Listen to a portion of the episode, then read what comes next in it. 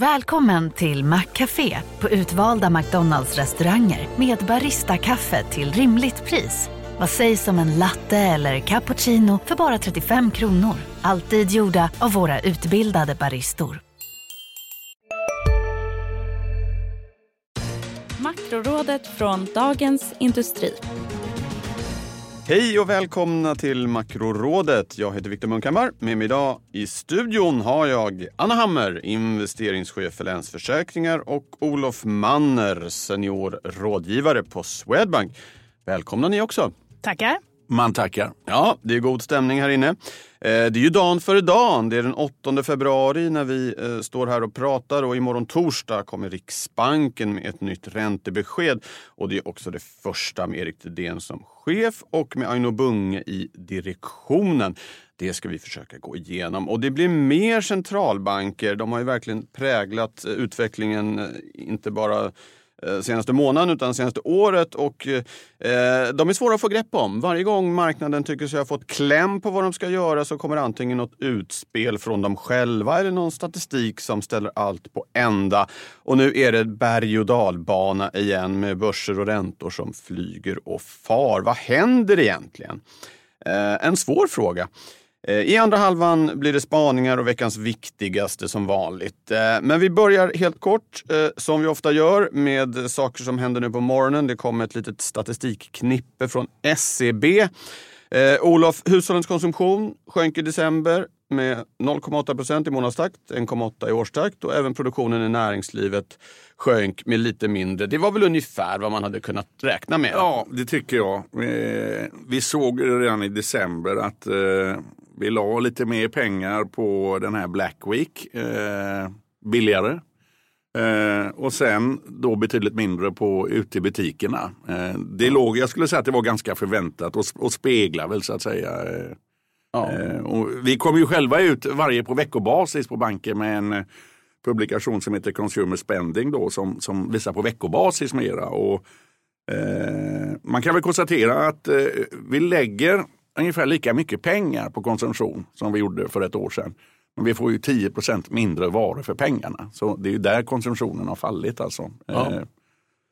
Ja, men ändå lite skönt med en, även om det inte var bra statistik så var det en siffra man kunde förstå. Annorlunda var det Anna med orderingången till industrin som var mm. upp med 25 procent i ja. både månads och årstakt.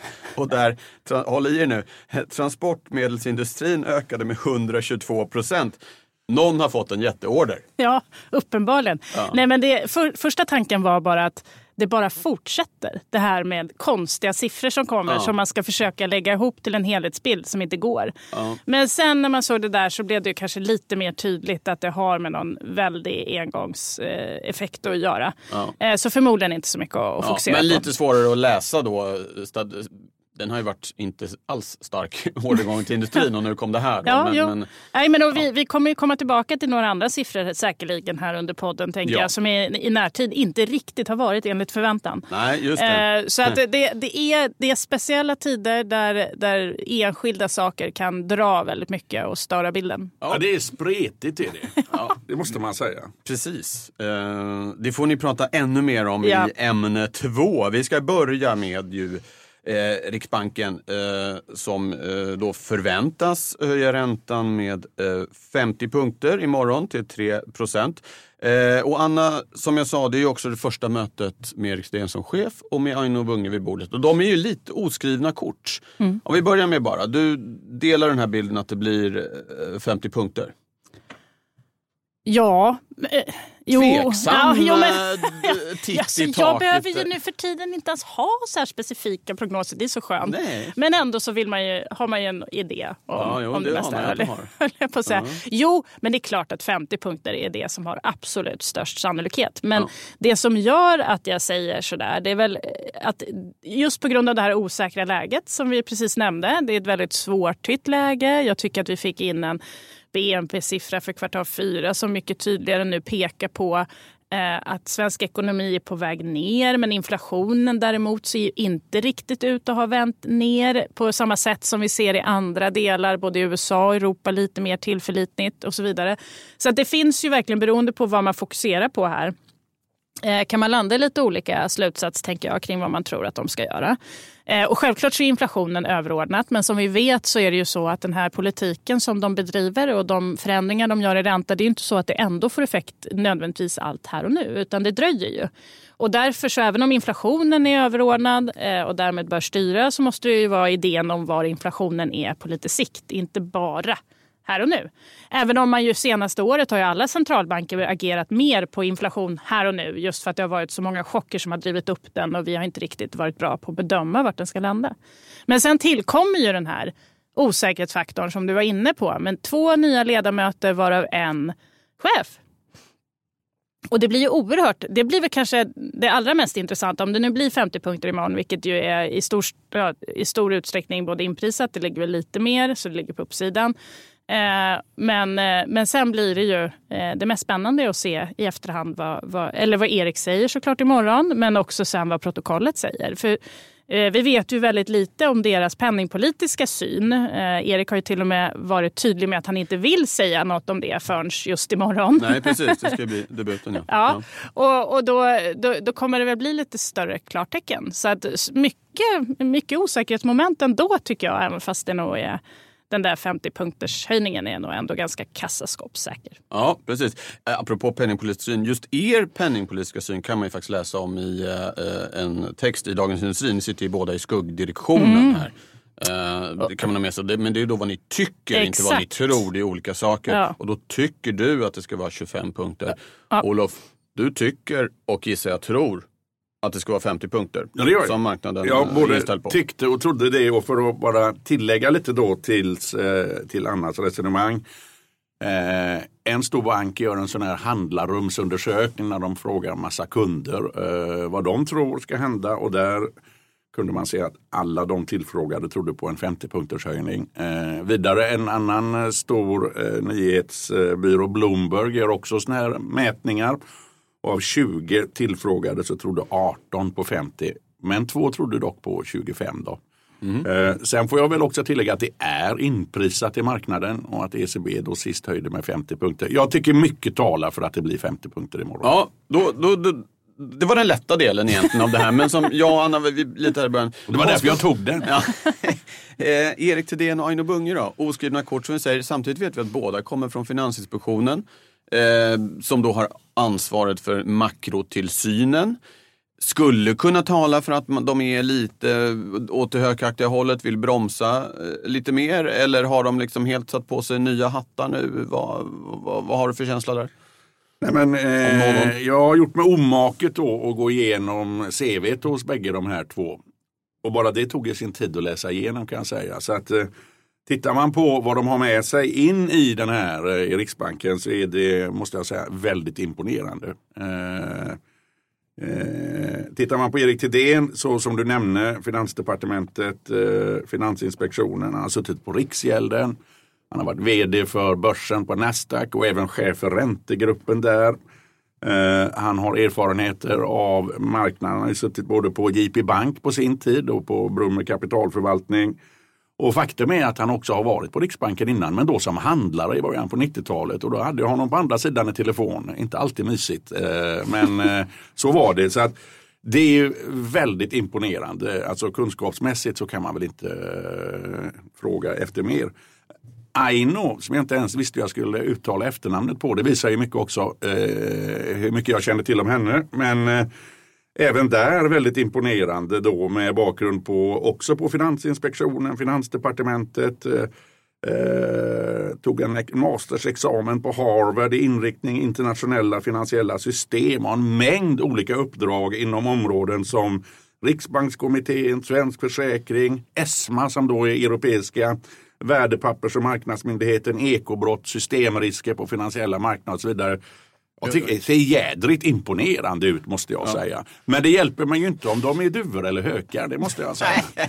Okej, okay. Anna har du någon känsla för det? Och särskilt den här Ja men jag säger bara, nej, jag säger bara svaret nu då. Ja. Eh, nej, det är helt omöjligt att ja. veta något om det. Ja. Så det är ju det allra mest spännande på lång tid skulle jag vilja säga. För att de andra har vi ju följt under en längre tid. Ja. Och där är det ju faktiskt så att de är lite uppdelade i två läger, de fyra som är kvar. Där två skulle kunna sägas vara lite åt det duvaktiga hållet och två lite hökaktiga. Så det innebär att de här två nya som kommer in, och särskilt Thedéen då, som jag har utslagsröst ifall mm. det är 3-3, faktiskt kan bestämma penningpolitiken om den här lägeruppdelningen håller så att säga. Ja, och det där blir så intressant att se just hur hårt han går ut. Om han har en väldigt tydlig vy direkt eller om han vill eh, liksom smyga in den lite mer mjukt. Ja. Alltså jag är helt säker på att han på sikt kommer ha en väldigt tydlig idé. Mm. Eh, det, det, har han eh, haft i de flesta sammanhang som jag har mött honom. Så det tycker jag är helt rätt och det är bra. Han kommer säkert vilja sätta sitt avtryck efter en väldigt lång period med Stefan Ingves. Men, men det är inte, det är inte säkert att liksom allt eh, smattras ut imorgon utan det kan ju vara lite mer av en ising. Ja, och då, nu fick jag obehagliga minnen här. Jag kommer ihåg när vi satt eh, eh och handlade, när jag satt i, i marknaden mera. Då, då ville man inte bara nöja sig med att veta om de var eh, duvor eller hökar. Man ville också gärna ha reda på om de var aktivister eller non-aktivister. Det var ju lite det Anna beskrev alldeles nyss.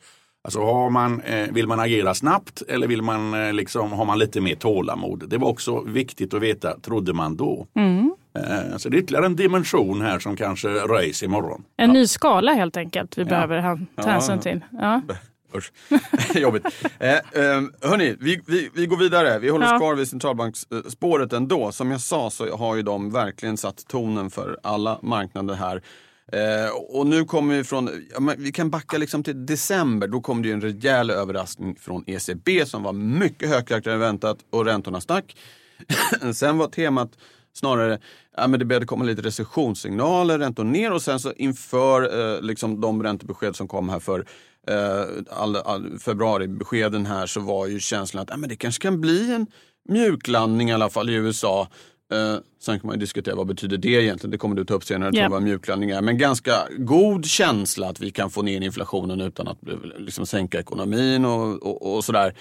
Eh, och sen då en ny sväng när vi fick urstarka jobbsiffror från eh, USA. Nästan lika konstiga som industriorderingången i Sverige här nu på morgonen. Och dessutom eh, tecken från tjänsteindustrin som var överraskande starka också. Och på det en liten räntehöjning från Reserve Bank of Australia här om natten med signaler om att mer kommer. Så nu är vi lite tillbaka i det här igen. Nej men de är inte färdiga ändå. Och, och, liksom, och så far övriga marknader runt efter det här. Vad, Berätta Anna, förklara. ja, men då ska jag förklara. Hjälp mig. ja, men jag tänker på det här som att det är inte nog med att det är otroligt svårt just nu att veta vart vi är på väg. Och då kan man ju dra det här skämtet att alla som ska göra prognoser säger att det typ aldrig varit svårare och så vidare. Men, men om jag ändå liksom ger någon typ av bakgrund till varför jag ändå tycker att det är genuint svårt nu. Det, vi har ju redan pratat om de här siffrorna som kommer in väldigt hoppande. Eh, det, det, är klart att det är sällan en linjär trend vi får följa, varken på upp eller nedgång. Men eh, de här hoppen har varit liksom större än att de inte bara följer trenden om man säger så. Så det, det, det, är liksom svårtolkat. Men vi kommer också från en helt unik miljö med både pandemin och alla dess effekter både på ekonomin och inflationen. Och dessutom då eh, ett krig sen snart ett år tillbaka som har också kommit med olika typer av chocker till världsekonomin och också i prisledet. Då. Eh, vilket ju gör att den kombinationen gör ju att det blir väldigt svårt eh, att bedöma vart vi är på väg. Och så har vi dessutom haft centralbanker då som har reagerat väldigt starkt på den här höga inflationen. I sig inte speciellt konstigt med tanke på hur otroligt hög den blev. Den blev hög väldigt snabbt. Eh, vi trodde knappt att vi kunde skapa inflation tidigare. Vi, harvade på där och tänkte det här kommer aldrig hända igen. Alla var överraskade och så vidare. Så såklart vill man liksom drämma till ordentligt. Så det är både oerhört svårt att bedöma vart ekonomin är på väg. Så varje liksom marknadsaktör behöver sitta och fundera på det här och landa i någonting helt enkelt. Vad tror vi? Vad tror vi att vi är på väg? Men dessutom så är det ett extra lager som också är mer osäkert än vanligt, vilket vi var inne på i förra frågan egentligen. En stor genuin osäkerhet kring hur centralbankerna tolkar det här. Jag menar, det är ju vårt jobb i vanliga fall att fundera på hur tolkar de utvecklingen och hur tolkar jag utvecklingen. Men jag skulle vilja säga att liksom variationen och spreaden i båda de här sakerna är mycket större än normalt. Vilket gör att volatiliteten på marknaden då också blir väldigt stor. För du kastas mellan hopp och förtvivlan. Eh, det, vi, vi, såg ett tydligt exempel på det tycker jag igår med Kashkari, eh, Minneapolis Fed, som också sitter och röstar eh, kring räntan det här året. Och han är en av dem som liksom sitter på ett roterande schema. Mm. Eh, men han sa ju att ja, bostadsmarknaden börjar visa på liv igen och det här gör vårt liv svårare. Eh, det, det, där det, det, tyder ju på någonting om att de har ingen aning. De vet inte vad som händer, de vet inte vad de ska göra. Och sen ska vi sitta och tolka både vad som händer och vad de ska göra. Det, det blir osäkerhet i väldigt många nivåer där. Eh, så att inte så konstigt att det är lite stökigt, tycker jag. Olof, du sitter ju nära det här. Uh, ja, och jag får hämta, äh, hämta exempel från verkligheten då för att vidimera ja. äh, Annas äh, tankar om det här. Och Eh, jag tittar då på ett tre månaders eh, räntederivat som ska spegla tre månaders räntan här i september. Fras-september för de som är, vill gå på djupet i frågan. Mm. Eh, det rörde sig då uppåt, alltså det, den räntan steg då med nästan 60 punkter i mitten på december och sen eh, efter årsskiftet har den fallit tillbaka lika mycket.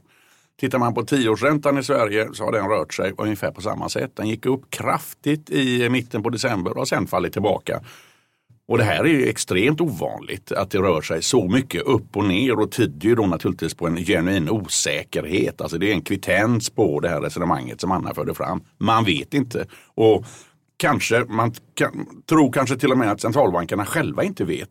För de har ju sina ok att bära. Eh, eh, nya eh, eh, fenomen här då. I, för att titta på Fed till exempel så inflationen har fallit i USA sedan förra sommaren. Men arbetsmarknaden är skållhet med en arbetslöshet på 3,4 procent. Många nya jobb skapades. Det enda som räddar dem är väl lite då att, att eh, lönerna fortsätter att falla även om de inte föll lika mycket som man hade hoppats på. Men det rimliga vore ju med en så het arbetsmarknad att det faktiskt är tryck uppåt på lönerna kan man tycka. Men eh, Ännu så länge så är det väl det som räddar eh, eh, i varje fall Fed och Riksbanken har sina bekymmer. Och det är skuldsättningen i ekonomin. Vi är specialister på det vi gör, precis som du. Därför försäkrar vi på Swedea bara småföretag, som ditt. För oss är små företag alltid större än stora och vår företagsförsäkring anpassar sig helt efter firmans förutsättningar. Gå in på swedea.se företag och jämför själv. Hej, Synoptik här. Hos oss får du hjälp med att ta hand om din ögonhälsa. Med vår synundersökning kan vi upptäcka både synförändringar och tecken på vanliga ögonsjukdomar. Boka tid på synoptik.se.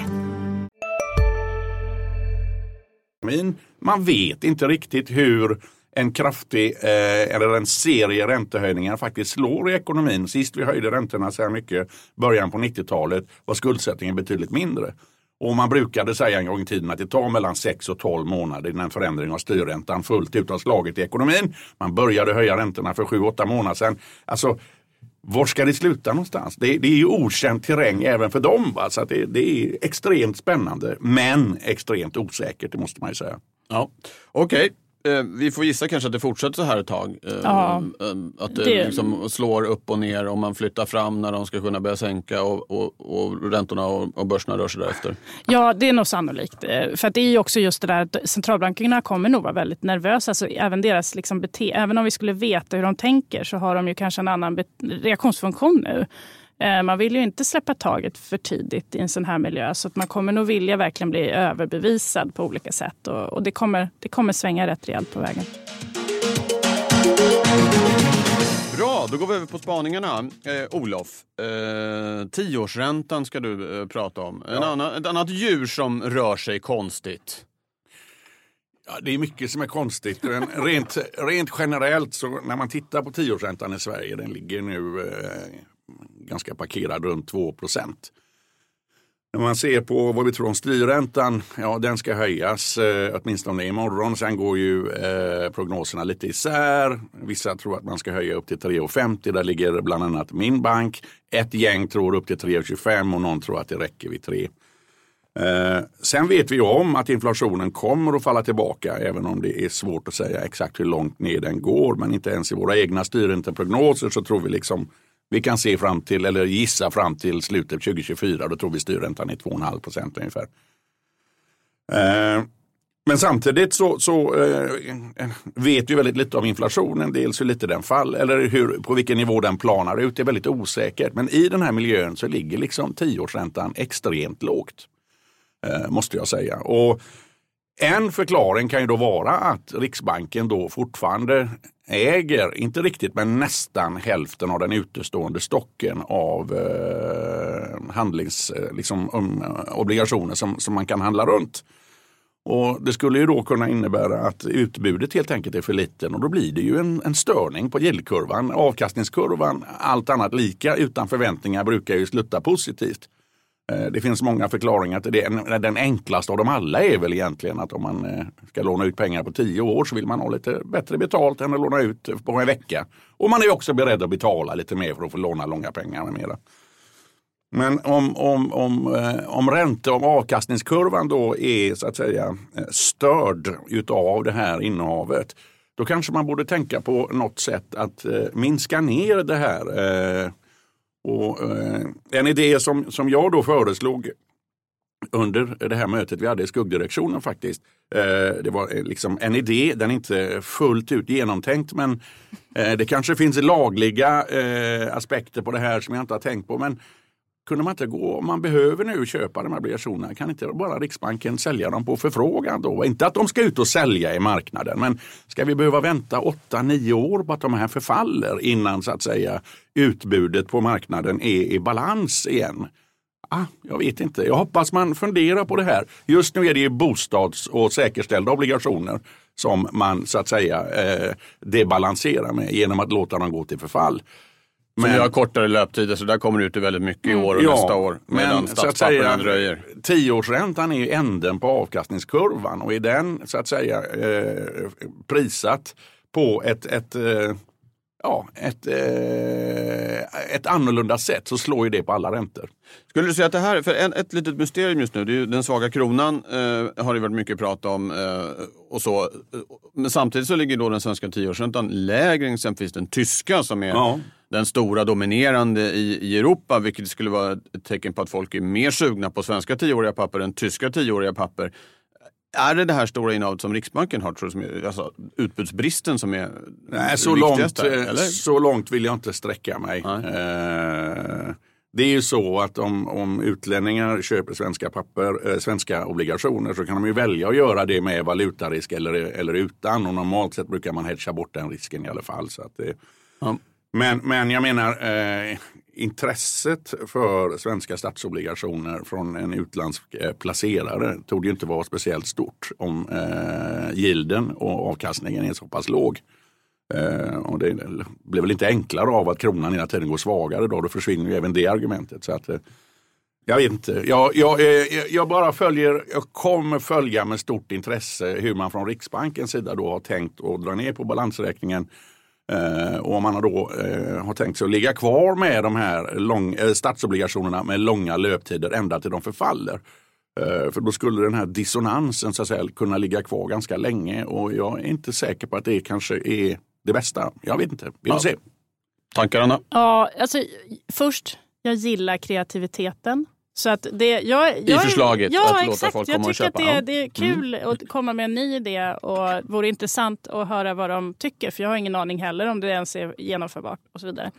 Men, eh, men det är ju verkligen tid, tycker jag, att fundera på den här stocken. Om det är så att vi får en liksom, eh, marknad som inte riktigt fungerar som den borde, ska, eh, borde göra, inte riktigt lika likvid som vi vill att den ska vara helt enkelt. Då är det ju ett väldigt bra tillfälle nu att försöka justera det. Om vi liksom tycker att i det här läget så skulle vi absolut kunna tolerera att, lång, eh, att den långa räntan åker upp lite grann. Man kanske till och med vill ha den där, vad vet Exakt. jag? Det, de vill ha den där, ja. ja. Kon konstigt i dessa tider när ja, man vill eh, strama åt. Så, Nej, så bra timing tänker jag. För det gör ju oss också mer redo inför eventuellt nästa nedgång. Vi vet inte hur den blir. Vi vet inte hur nära noll, nollränta vi kommer. Det är stora frågetecken såklart kring det här. Men Eh, att se till att verktygslådan liksom är rensad och vässad, höll jag på att säga, inför en sån eventualitet eh, vore väl inte helt fel om det skulle gå på ett smidigt sätt nu.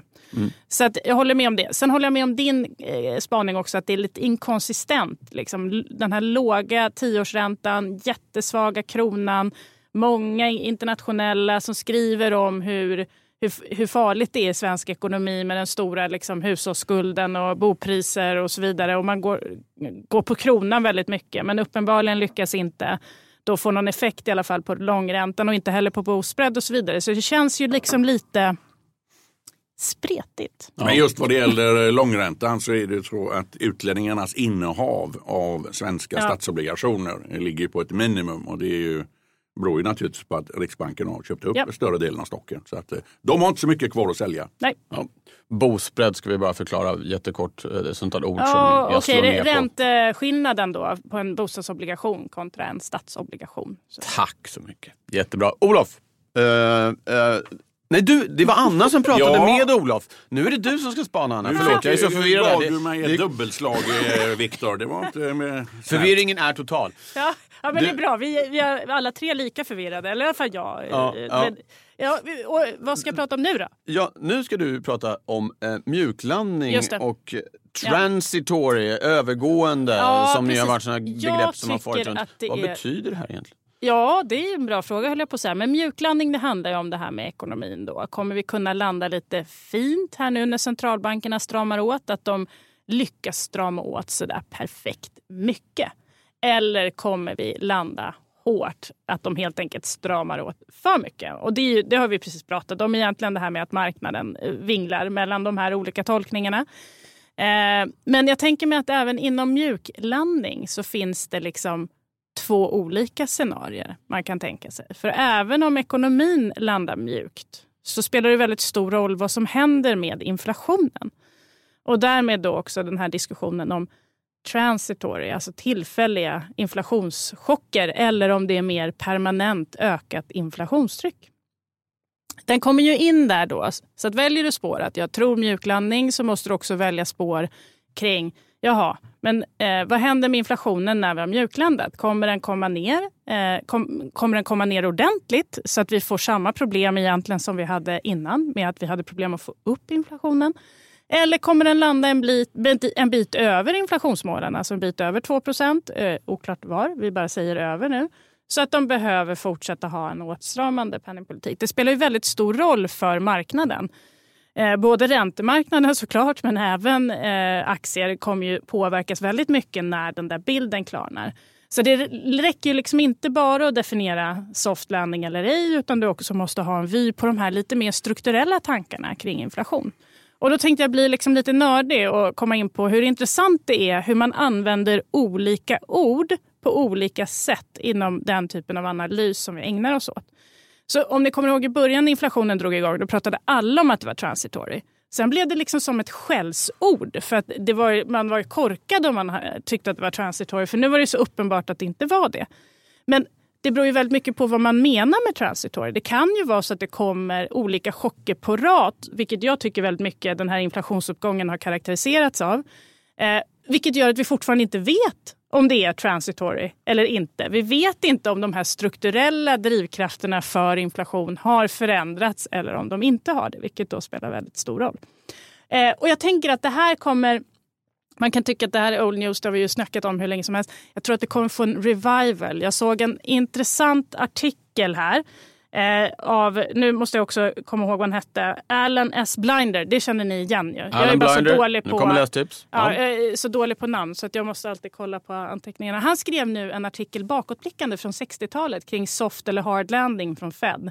Och landade i att han tror att det här blir en soft landing. Men jag bara tänker, är man sugen? Det här var i Um, Journal of Economic Perspectives är den i. Väldigt intressant just när man får det där historiska perspektivet, tycker i alla fall jag. Att man liksom går igenom de här olika cyklerna vi har varit i. För då har man liksom lite mer att hålla i handen. Och han var väldigt konkret tycker jag på ett roligt sätt. Men sen också det här med transitory. Ytterligare tips. Det kanske blir min nya grej, så tips. Ja. Tipslådan. Ja. Eh, en, en podd från Bloomberg som heter Oddlots där de hade en strateg som pratade nyligen om just det här med transitory inflation. Och att liksom man mer eller mindre har varit utskälld under en lång tid. Men nu kanske man är tillbaka i att ja, men det kanske är transitory, bara lång transitory höll jag på att säga om det nu finns något sånt. Men eh, det finns liksom mer att grotta i. Jag tror att det kommer diskuteras ännu mer. Det är väldigt viktigt för marknaden var vi landar i de här frågorna. Eh, och det är väldigt viktigt, om man hör någon prata om de här frågorna så behöver man liksom veta lite vad de lägger in i definitionerna. För, för det, är vi gör väldigt olika. Det, det, är verkligen. Ja, ja.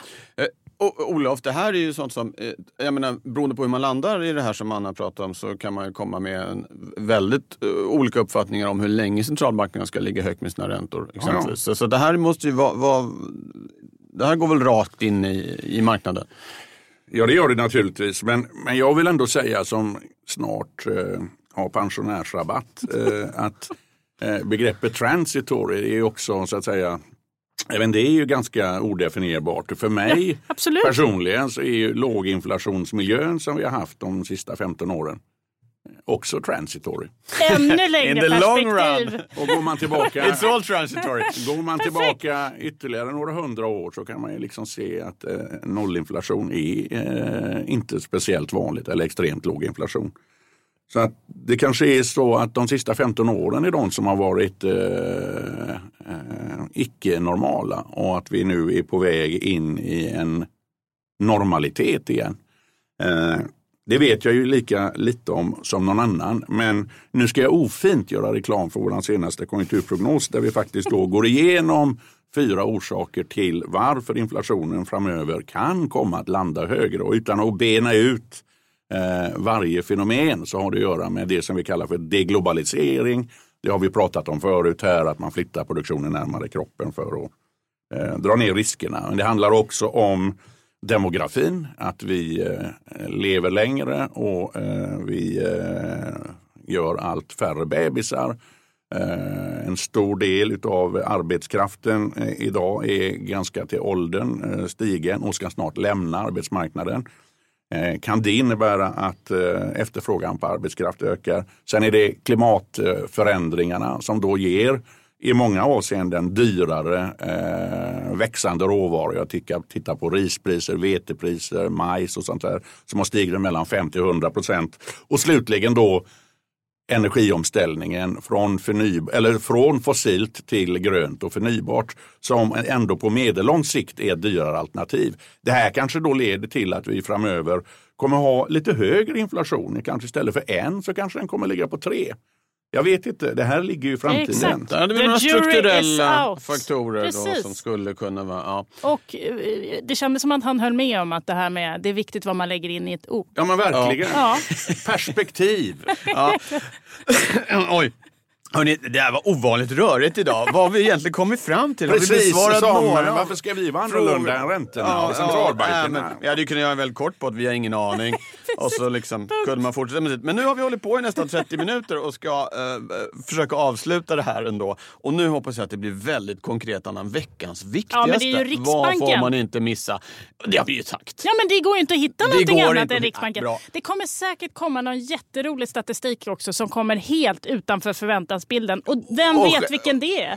Men sen väntar ja. vi på infl svensk inflation. Det är, om jag ska nämna, ja. men det är längre bort så det är inte veckans viktigaste. Ja, vad bra att du sa! Ja. Eh, det är 20 februari och 13 februari har jag eh, den produktansvariga för KPI, John Eliasson, i studion. Wow! Så att alla som eh, vill veta liksom detaljerna kring KPI-mätning är varmt välkomna ja. att höra av sig. Viktor.bunkhammar.de.se I vanlig ordning är det januari, korgeffekter. Exakt. Kul.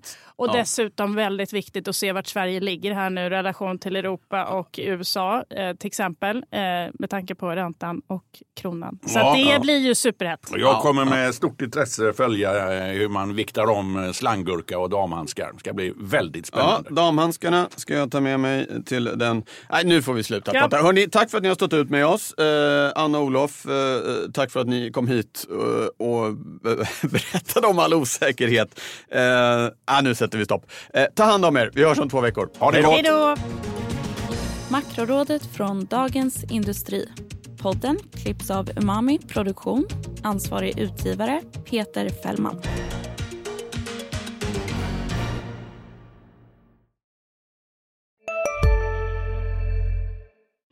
Hej, Susanne Axel här. När du gör som jag och listar dig på en av Krys vårdcentraler får du en fast läkarkontakt som kan din sjukdomshistoria. Du får träffa erfarna specialister, tillgång till lättakuten och så kan du chatta med vårdpersonalen. Så gör ditt viktigaste val idag, listar dig hos Kry. Ska några små tassar flytta in hos dig? Hos Trygg Hansa får din valp eller kattunge 25% rabatt på försäkringen första året. Läs mer och teckna djurförsäkringen på trygghansa.se. Trygg Hansa, trygghet för livet.